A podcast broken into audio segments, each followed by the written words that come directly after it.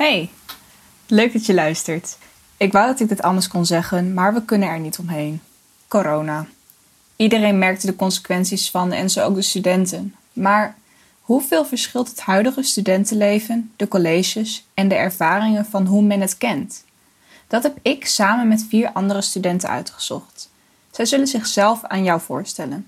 Ik zit in de, in de eerste jaar van de bachelor Pedagogische Wetenschappen. Tweede jaar van de bachelor van European Law School. bestuurskunde en ik zit in het derde jaar nu. Eerste jaar van pedagogische wetenschap. Om te beginnen heb ik hun gevraagd over hun ervaringen rondom de introductieweek.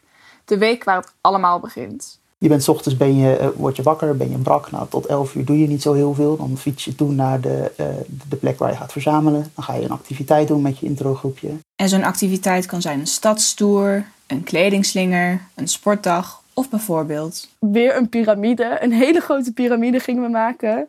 En weer ik bovenop. En eh, vervolgens gingen we het eh, lied van Nijmegen zingen. Volgens aan het einde van het nummer moest ik van de piramide afspringen. En dan eh, zou Lucas, eh, een vriend van me, dan eh, me opvangen. Deze studenten omschrijven de introductieweek als onvergetelijk en een gouden herinnering.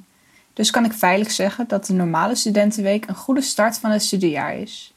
Jammer genoeg begon voor de eerstejaarsstudenten in 2020 de introductieweek iets anders.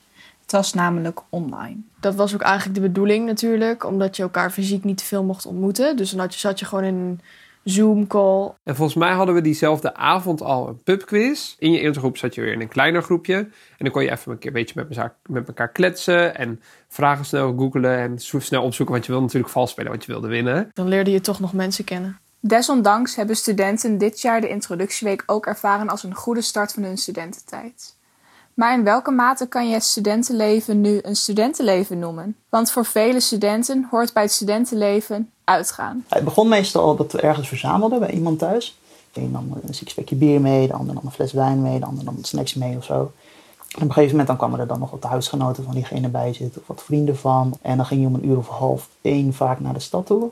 Onderweg raakte je de helft kwijt, want die ging ergens wat eten of zo. En het was eigenlijk gewoon om zijn beurt een beetje rondjes voor elkaar halen en pijpen op de muziek. En dan ging je naar huis toe en dan lag je om eh, half vijf in bed. Maar de volgende dag dien je weer in die collegebanken te zitten. Gelukkig hebben ervaren studenten daar wat tools voor. We hadden half negen altijd een werkgroep. En wij zaten standaard, zaten wij daar met z'n allen, met een flesje cola die we dan even bij de koffiecorner hadden gehaald. Want cola werkt gewoon heel goed tegen misselijkheid. En ik weet zeker dat die professor elke donderdag weer dacht, oh, daar zitten ze weer. Daar hebben huidige studenten geen last van. Online blijft het oogcontact met de docent namelijk nogal beperkt.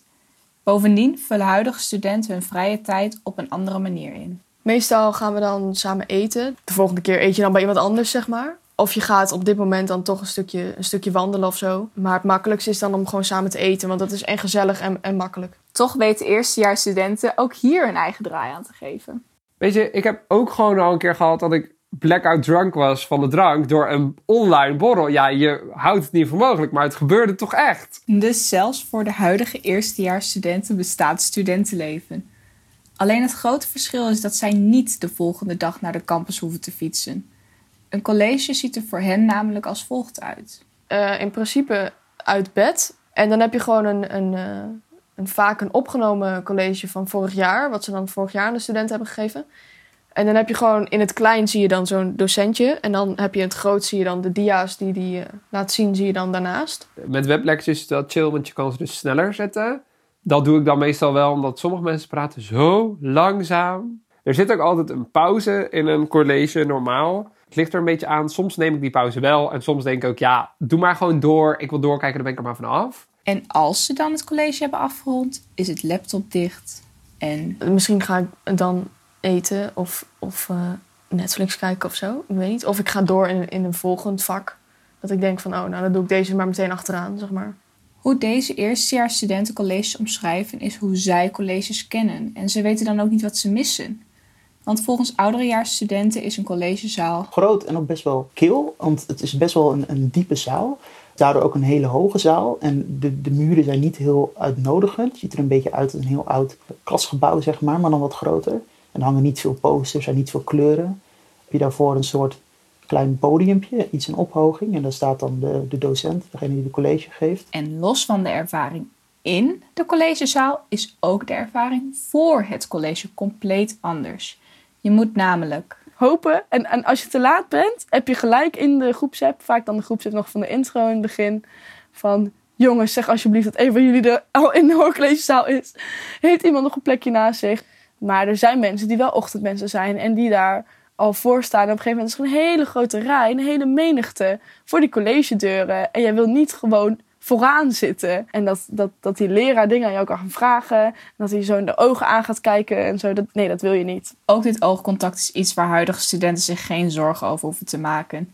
Is het normale studentenleven beter of heeft het huidige studentenleven ook zijn schoonheden? Het is in ieder geval niet meer wat het was. Maar wat ik heel fijn vond om te horen van alle vierde studenten is dat zij, ondanks deze veranderingen, toch een positieve houding weten te hebben. Zij proberen net als jij en ik het beste ervan te maken. En het gaat goed met ze. Dat gezegd te hebben, willen ook de studenten jou iets meegeven. Pak wat je pakken kan. Ga op kamers. Sowieso. Probeer zoveel mogelijk het sociale leven op te bouwen voor jezelf. Ondanks dat de intro dan heel veel minder is dan normaal, meld je wel gewoon aan. Want je leert, ondanks dat, leer je zoveel leuke mensen kennen. En dat is waar we plezier uit halen. Mensen. Dus maak die wandeling en zwaai even naar elkaar. Als studenten dit kunnen, kan jij het ook. Bedankt voor het luisteren.